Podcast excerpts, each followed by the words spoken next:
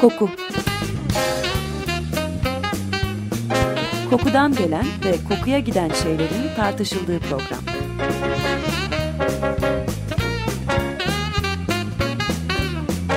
Hazırlayan ve sunan Vedat Ozan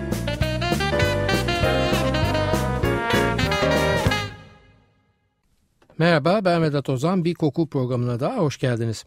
Osmanlı İmparatorluğu'nun en büyük padişahlarından biri bizim kanuni yabancılarınsa muhteşem veya Grand Turk e, Büyük Türk diye isimlendirdikleri Sultan Süleyman. 1495'te Yavuz Sultan Selim'in oğlu olarak dünyaya gelen Kanuni Sultan Süleyman 16 yaşındayken devlet idaresinde tecrübe kazanmaya başlıyor ve bazı vilayetlerin idaresine memur ediliyor babası tarafından. Bir rivayet asıl isminin Süleyman değil babası Selim'in isminden mülhem Seliman olduğu yönünde muhteremin. Hiç kardeşi yok bu nedenle herhangi bir saray içi yaşamsal tehditle yaşamadan babası ölünce 25 yaşında tahta geçiyor. İktidara geçer geçmez halk tarafından hoş karşılanan bir dizi harekette bulunuyor. Yüzlerce köleyi özgür bırakıyor, yüksek devlet memurlarına hediyeler veriyor vesaire vesaire. Hatta özgürlüğüne kavuşamamış köleler için de okul inşaatına falan başlıyor. Babasının acımasız karakterinden sonra bu tip davranışlar önceleri Avrupalıların gözünde aslan öldü yerine kuzu geçti diye değerlendiriliyor. Gerçekten de her ne kadar bizim tarih kitapları Kanuni Sultan Süleyman'ı imparatorluğun en geniş sınırlara ulaştığı dönemin hükümdarı olarak tanımlasa ve savaşçı kişiliğini öne çıkarsa da hat sanatı, ebru, çini tezyinatı, şiir, edebiyat ve özellikle Mimar Sinan'ı da yanına alarak mimari alanda yaptığı pek çok yenilik var padişahın. Hat ustası Ahmet Karahisari veya diğer ustalar Şakuli veya Karamemi dönemin önde gelen sanatçılarından. Ayrıca zaten televizyondaki diziden de hatırlarsınız padişahın kendisi de bir şair aynı zamanda. Süleymaniye ve Selimiye dönemin en çok bilinen mimari eserleri ancak dediğim gibi bu vitrindeki şah eserlerin yanı sıra irili ufaklı pek çok mimari imzası var Kanuni döneminin Osmanlı tarihinde. Vakfiyeler, kervansaraylar, hamamlar, aşevleri, medreseler, Kudüs veya Mekke ve Medine gibi İslam'ın kutsal mekanlarında onarılan pek çok tarihi anıt bunlardan sadece bazıları. Kanuni'nin ilk seferi Tuna Nehri üzerinde stratejik bir nokta olan Belgrad'ı ele geçirmesi. 28 gün gibi kısa bir süre sonunda Belgrad'a sahip olmanın verdiği gazla bu kez yönünü Rodos'a çeviriyor. Rodos'un ele geçirilmesi asla Belgrad kadar kolay olmuyor elbette ve aylar süren çatışmalar sonucunda ordusunun top üstünlüğünü kullanarak Rodos şövalyelerini alt ediyor. Kendinden önceki padişahların denediği ancak başaramadığı bu iki hamleden başarıyla çıkması öncelikle Avrupalılar tarafından kendisini tanımlamakta kullanılan kuzu sıfatının bir daha kullanılmamak üzere tarihe gömülmesine sebep oluyor. Top üstünlüğü demiştim. Bu aslında Süleyman'ın bilinçli bir tercihi ve onun döneminde yüzlerce, binlerce top döktürülerek ordunun ateş gücü arttırılıyor. Biraz da belki şansın da yardımıyla Viyana kuşatması dışında zaten pek bir olumsuz askeri hamlesi yok sultanın. Ancak hem ordunun topların ateş gücüne fazlaca bağlı olması hem Yeniçerilerin yani aktif personel sayısının çok çok fazla arttırılması beraberinde pek de dile getirilmeyen iki sorunu taşıyor. İlki oldukça güçlü bir mali yapı devralmasına rağmen Süleyman sefer masraflarını karşılamak için hep yeni sefer yapmak zorunda. Zira kalabalık ordu sakin durduğunda fazla beslenemediğinden huzursuz oluyor. Diğer sorunsa hava koşullarına bağlı hale gelmesi Osmanlı ordusunun. Zira karda kışta kıyamette kalabalık süvari alayları ve ağır toplarla sefere çıkmak intihar etmekle eşdeğerde. Bu nedenle seferler hep bahar ve yaz aylarına getiriliyor ve hep kış gelmeden de bu seferler sonlandırılmak zorunda. Bunun altını neden çizdiğime az sonra ayrıca değineceğim. Sadece asker adedini arttırmak değil gemi inşaatlarını süratlendirmekte Süleyman'ın politikalarından biri.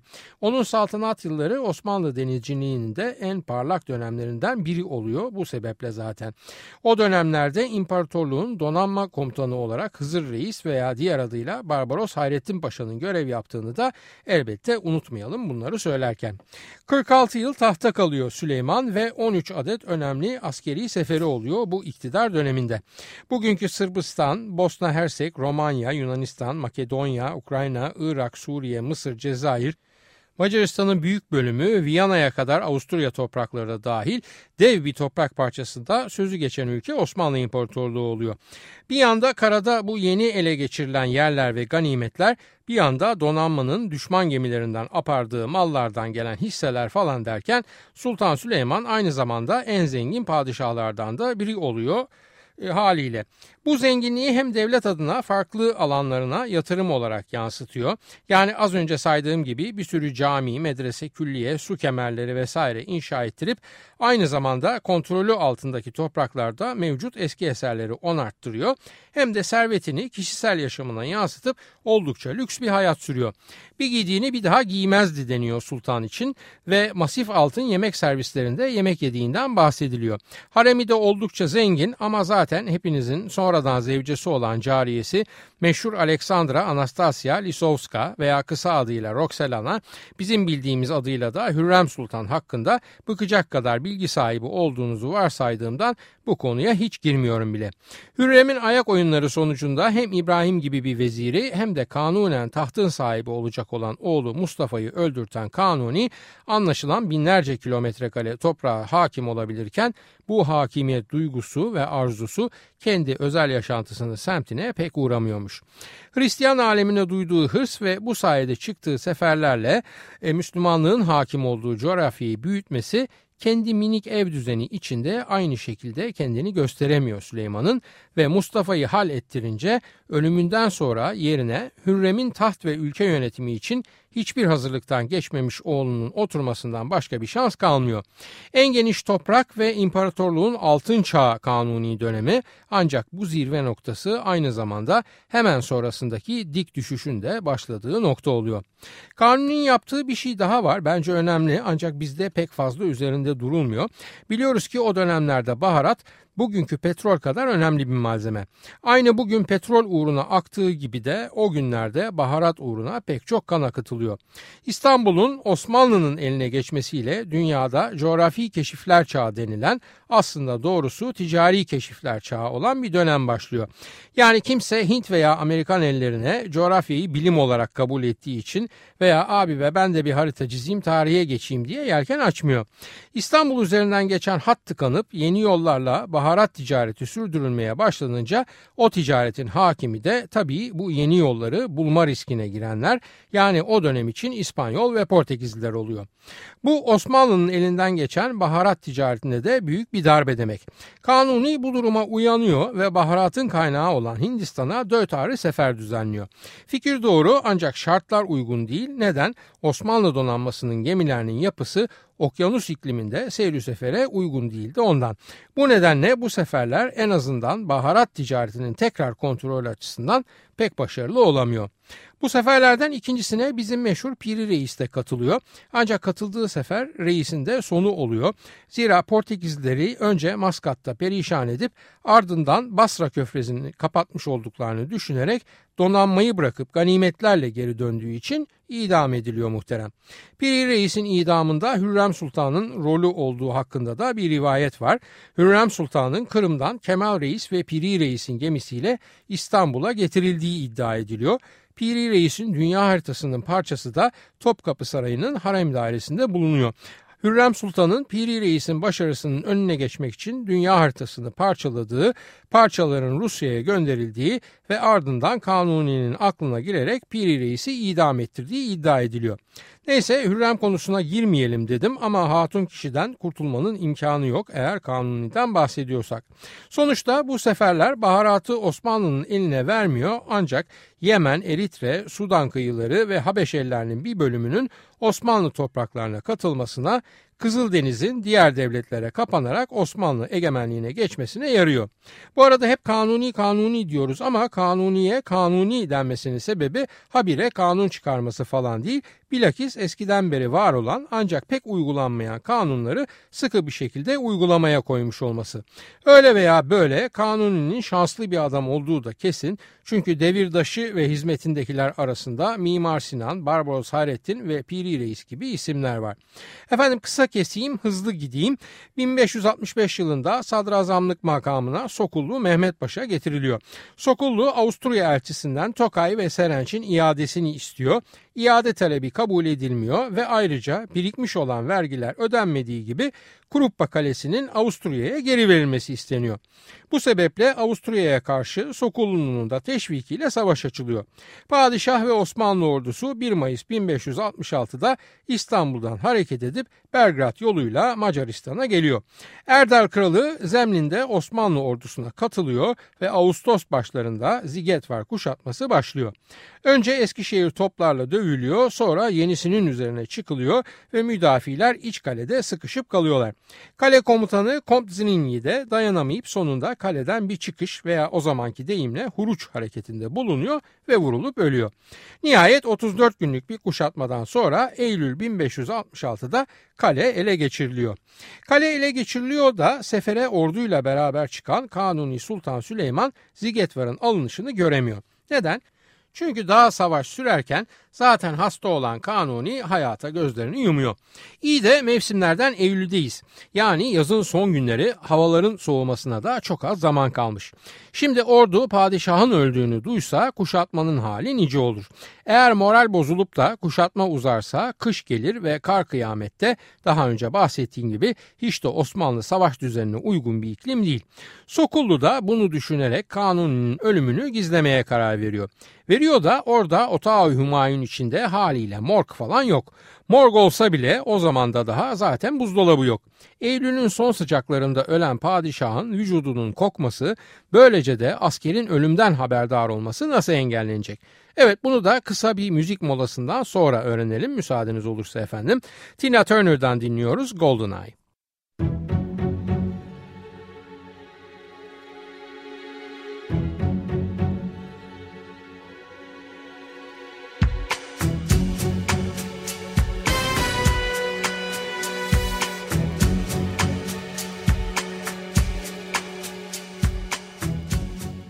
Radyosunu yeni açanlar için hatırlatıyorum. Açık Radyo 94.9 Koku programındayız. Ben Vedat Ozan. Tina Turner'dan dinledik Golden Eye. Evet nerede kalmıştık? Ziget var tamamen düşmek üzereyken 6 Eylül'ü 7 Eylül'e bağlayan gece Kanuni Sultan Süleyman ölmüştü. Ziget var kuşatmasında ise sona gelinmişti. Böyle bir durumda padişahın ölümünün asker arasında duyulması morali bozabilir ve zaferin gecikmesine, soğukların gelmesine ve bunca çabanın boşa çıkmasıyla neticelenebilirdi. Bütün bu olumsuzlukları değerlendiren Vezir-i Azam Sokullu Mehmet Paşa, padişahın ölümünden haberdar olanlara bunun bir sır olarak saklanmasını ve gerekenlerin yapıldıktan sonra padişahın yattığı yerin altına gömülmesini emrediyor. Padişahın cesedi yavaşça yatağından alınıp hazır bulunanlardan bir gönüllü yüzü otağın kapısına ters olmak kaydıyla yerine yatırılıyor ve sefer boyunca hiç çıkmıyor bu yataktan. Yataktan alınan Kanuni Sultan Süleyman'ın cesedi de tahtın altına geçici olarak defnediliyor. Ancak hava sıcak ve zaferin ne kadar sürede geleceği belli değil. Bu nedenle cesedin kokmasının da bir şekilde önüne geçmek lazım. Ölüm nedir? Bırakın soyut anlamlandırmaları. Ölüm en temelinde bir doğal çürüme sürecinin başlangıcıdır ve çürüyecek olan da mevtanın vücududur. Çürüme veya dekompozisyon esnasında vücudun organik yapısı maddenin basit hallerine ayrışır. Bu aslında doğa gerçeğidir. Zira hayatını sürdüremeyen bir canlı fiziksel olarak işgal ettiği yeri hayatını sürdüren yeni organizmalara terk etmek zorundadır. Hiçbir canlı türünün çürümesi birbirine benzemez ancak temel prensip olarak aynı evrelerden geçerler. Lüzumsuz bir bilgi olarak vereyim. Dekompozisyon veya çürüme ile ilgili bilim dalına tafonomi denir ve bu terim Yunanca kabir veya mezar anlamına gelen tafos kelimesinden türer. Evet ölüm hadisesiyle beraber kalp atması durur, kan pompalanması kesilir ve vücudun hücre ve dokularına oksijen ulaşamaz olur. İlk veda edenler 3 ile 7 dakika arasında fonksiyonları tamamen duran beyin hücreleri olurlar. Kemik ve deri hücrelerinin yaşam süresi biraz daha fazladır. Hatta günlerle ölçülür bu süre. Hücrelerin pH dengesi bozulur ve yapısal bütünlüklerini kaybetmeye başlarlar. Bütünlüğünü kaybeden hücreden sızan enzimler çevredeki diğer hücreleri de şekilde parçalar vesaire vesaire. Kılcal damarlardan kan süzülmeye başlar. Özellikle vücudun alt kısımlarına doğru bu kan süzülmeleri olur ve bu nedenle de bazı bölgelerin rengi soluklaşırken bazı bölgelerde morarmalar oluşur. Ölümden yaklaşık 3 saat kadar sonra rigor mortis kasların sertleşmesi başlar. 12 saat sonunda vücut soğur, 24 saat içinde de vücudun iç ısısı tamamen yok olur.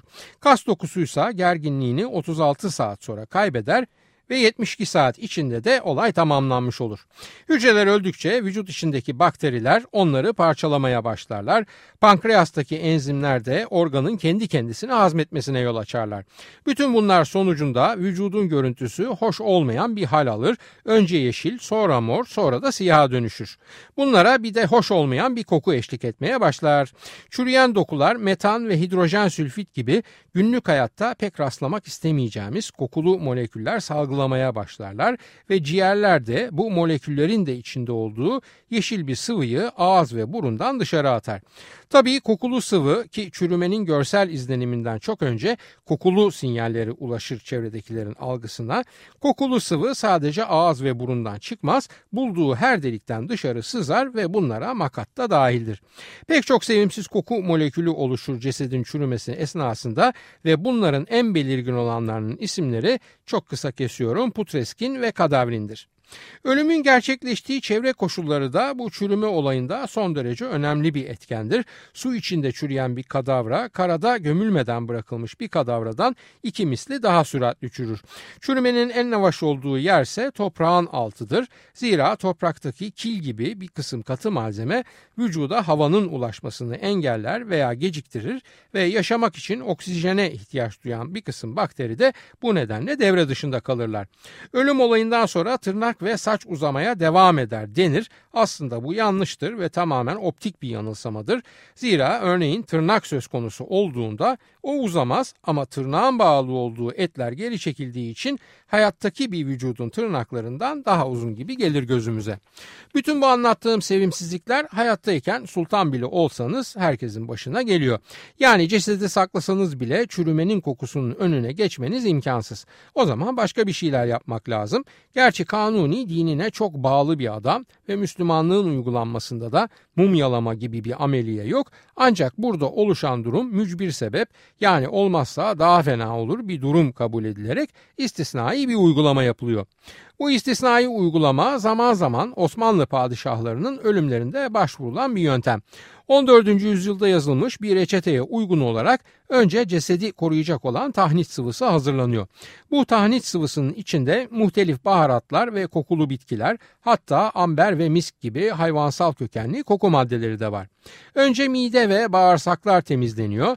Yani lavman benzeri bir uygulama yapılarak çıkan su duru su gibi görünene kadar bağırsaklarının içi boşaltılıyor hükümdarın. Ardından bu kez iç organlara öd ağacı, mür ve kafiru ile karıştırılmış gül suyu pompalanıyor. Makat deliğine gül suyu ve sirkeye batırılmış bir pamuk tıkanıyor. Bu pamuğu acaba kim tıkıyor ve Cihan Padişahı'na bu uygulamayı yaparken kendini nasıl hissediyor onu tabii pek bilemiyoruz. Padişahın burun ve ağzına ise cıvalı bir merhemle ki içinde bal, öd ağacı, şap ve mür var bu merhemin emdirilmiş pamuk toplar yerleştiriliyor. Vücut baştan aşağı bal ve diğer tatlı kokulu sıvılarla siliniyor. Bu saydıklarım daha sonra Venedik'te ölen bir Osmanlı tüccarının defterinden Kanuni'nin cenazesine verilen malzemeler başlığı altında sıralanan malzemelerden. Evet Kanuni'nin vücudu aynı dediğim gibi önce temizleniliyor sonra kokulandırılıyor. En son katta cila niyetine der gibi misk ve amberle siliniyor. Tabuta konmadan direkt kefenle hemen yatağının altına oracağı oldukça küçük cemaatli bir cenaze namazını mütakiben gömülüyor. 42 gün dayanıyor o çürüyen vücut sefer bir tipte resmi defin merasimi yapılana kadar. Bir Allah'ın kulu da fark etmiyor olayı ve sultanın otağının çevresinde misk ve amberin kokusu tanımlanamamış bir tatlı kokular grubu eşliğinde sanki bir parfüm fabrikasıymış gibi kokutuyor ordugahı. Vezir-i Azam Sokullu Mehmet Paşa bu arada kalenin fethi bahanesiyle Kütahya Sancak Bey'i ve tahtın tek varisi olan Şehzade Selim'e babasının öldüğünü belirten bir mektup göndererek onu orduya çağırıyor. Daha sonra Zigetvar'ın çevresindeki kaleleri de fethettirerek oyalanıyor. Tabii kanlı bir oyalanma bu ve yeni padişahın orduya yetişmesine zaman bırakılıyor. Haberi alan şehzade 2. Selim'in Kütahya'dan yola çıkıp Rumeli'ye geçtiği duyulur duyulmaz Sokullu Mehmet Paşa askere maaş dağıtıyor ve orduyu Zigetvar önünden Belgrad'a doğru hareket ettiriyor. Tabii cenazede yanlarında bu hareket sırasında kaleye yaklaşınca hafızlar Kur'an okumaya başlıyorlar ve hafızların Kur'an okumasından olaya uyanan padişahın yakın çevresindeki muhteremler başlarına siyah sarıklar giyiyorlar. Haber dalga dalga yayılıyor ve yazıldığına göre bütün ordu ağlayıp dövünmeye başlıyor. Hatta an geliyor ki asker yürümeyi bırakıp feryadı figan ediyor. Sokullu da hemen eratı toplayıp bir nutuk çekiyor ve bunca yıllık padişahımızı Kur'an'la uğurlayalım. Gaza ile Macaristan'ı İslam ülkesi yaptı. Hepimizi ihsanlarıyla besledi. Karşılığı bu mudur ki cesedini başımızın üstünde götürmeyelim. Oğlu Sultan Selim Han padişahımız 17 gündür Belgrad'da sizi bekler. Merhum padişahımız bütün bahşiş ve zamlarınızı ona vasiyet etti diyerek askeri sakinleştiriyor. Tabi burada bahşiş ve zamların yeni padişaha vasiyet edilmesi açıklamasının da bir anlamda anahtar görevi gördüğünü unutmamak gerekiyor. Neyse uzun lafın kısası Kanuni'nin ikinci cenaze namazı burada, üçüncü ve son namazı da İstanbul'a gelindiğinde kılınıyor. Aslında Kanuni kokmadan ve çürümeden defnedilebildiği için cenazesi 42 gün beklemiş olsa dahi şanslı adetmek lazım. Zira söylenene göre atası Fatih Sultan Mehmet onun kadar bile şanslı değilmiş. Neden? Anlatayım. Öldüğünde hayatta olan iki oğlu var Sultan Mehmet'in. 34 yaşındaki büyük oğlu Amasya'da, 23 yaşındaki küçük oğlu Konya'da vali. Vezir-i Azam derhal iki şehzadeye de ulaklar göndererek babalarının vefat ettiğini ve acele İstanbul'a gelmeleri gerektiğini haber veriyor. Öyle bir durum oluyor ki yani İstanbul'a erken gelen şehzade tahta çıkacak durumları var. Bu taht yarışı sırasında Fatih'in cesedi de vakit kaybettirilmeden İstanbul'a geçiriliyor ve Topkapı Sarayı'nda ıssız, ışıksız bir mekana bırakılıyor. Oğulları taht için birbirlerini yerken Fatih'in cesedi de bir anlamda adeta çürümeye terk ediliyor yani. Topkapı Sarayı'nda sıcak Mayıs günlerinde elbiseleri içinde bırakılan Fatih'in cesedi de haliyle kokmaya başlıyor. Ceset tamamen çürümeden baltacılar ketudası Kasım ve iki hekim elbiselerini soyuyor. Sonra iç organlarını çıkarıyorlar ve daha sonra cesedi az önce Kanuni'nin cesedine uygulananın benzeri bir yöntemle ilaçlayarak kefenliyor ve defnediyorlar. Şehzade Beyazıt padişah ilan edildikten sonra yani Fatih'in ölümünden ancak 19 gün sonra cenazeyi babasının kendi adına yaptırdığı caminin avrusuna defnettiriyor. Ölüm hoş bir şey değil hem ölenle artık beraber olunamayacağının verdiği kayıp duygusu gibi soyut ve psikolojik gerekçeler hem de çürüme ve beraberinde gelen tatsız fiziksel değişimlerden dolayı. Bu nedenle cenaze ve kokusu bütün dinlerde üzerinde önemli durulan konuların başında geliyor. Genelde tüm kültürlerde bilinen en eski zamandan beri cenaze ile beraber mutlaka kokulu bir uygulama yapılıyor. Bunu derken ve tüm dinlerden bahsederken Zerdüştileri hariç tutuyorum. Zira onlara göre ceset murdar sayıldığından onu gömmek toprağa, yakmaksa ateşe saygısızlık kabul ediliyor ve bu sebeple ölüler sessizlik kuleleri denilen yüksek mekanlarda çıplak olarak yırtıcı kuşlara terk ediliyorlar. Bu programın notlarını çıkarırken internette şöyle bir dolaştım adetim olduğu üzere. Amerika Birleşik Devletleri'nde pek çok ticari şirket var. Cenaze evlerine deodoran yani cenaze kokusu maskeleyici spreyler satan. Bunlardan biri Smellies markasıyla satılıyor ve cenaze evleri, morglar ve otopsiler için kesin koku çözümü sunduğunu iddia ediyor. Bir başka marka olan Funeral Organics Natural Odor ise hem sprey gibi kullanılabildiğini hem de temizleme sıvısına katılabildiğini yazıyor tanıtım bülteninde. Son olarak Çankaya Belediyesi'nin web sitesindeki cenaze hizmetleri sayfasından bir bölüm okuyacağım şimdi müsaadenizle. Vefat eden yurttaşlarımız için 8-17 saatleri arasında defin ruhsatı verilmekte. Cenaze ihtiyaç kutusu parantez içinde kefen, havlu, gül suyu, kına, çöre otu, sabun, bayanlar için yazma, parantezi kapat vesaire vesaire sağlanmaktadır. Bu gül suyu, kına, çöre otu ve kafiru falan gibi kokulu maddelerin cenaze ile ilgili belediye birimleri tarafından sağlanması elbette sadece Çankaya Belediyesi'ne özgü değil ve neredeyse tüm yurtta uygulanan bir gelenek. Bazı yörelerde vücudun yıkanması o yıkama işleminde kullanılan sabun kalıbı bitene kadar sürdürülüyor mesela ve artık sabun kalmamasında da ayrıca dikkat ediliyor. Keza kefenlendikten sonra cenazenin üzerine çöre otu serpilip gül suyu dökülmesi de son derece genel bir uygulama ve bırakın camilerin ve mezarlıkların cenaze yıkama birimlerini yani gasilhaneleri GATA'nın yani Gülhane Askeri Tıp Akademisi'nin morgunda bile bu yöntem uygulanıyor. Tatsız bir konu oldu galiba bugün ama unutmayalım ki koku hayatın olduğu kadar ölümün de ayrılmaz bir parçası. Haftaya bir başka kokuda buluşmak üzere hoşçakalın diyorum efendim. Soru, öneri, eleştirileriniz için e-posta adresimiz kokuprogrami.yahoo.com Yayınlarımızda adı geçen konulara ilişkin görselleri ay sonra facebook.com Taksim Vedat Ozan Koku adresinde de görebilir. Yorum ve sorularınızı oraya oraya da yazabilirsiniz. Ben Vedat Ozan, radyonuz kokusuz kalmasın sevgilerimle.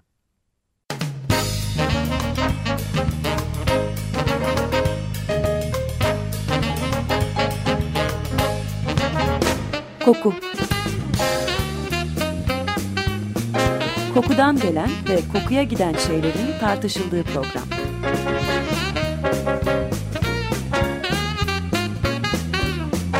Hazırlayan ve sunan Vedat Ozan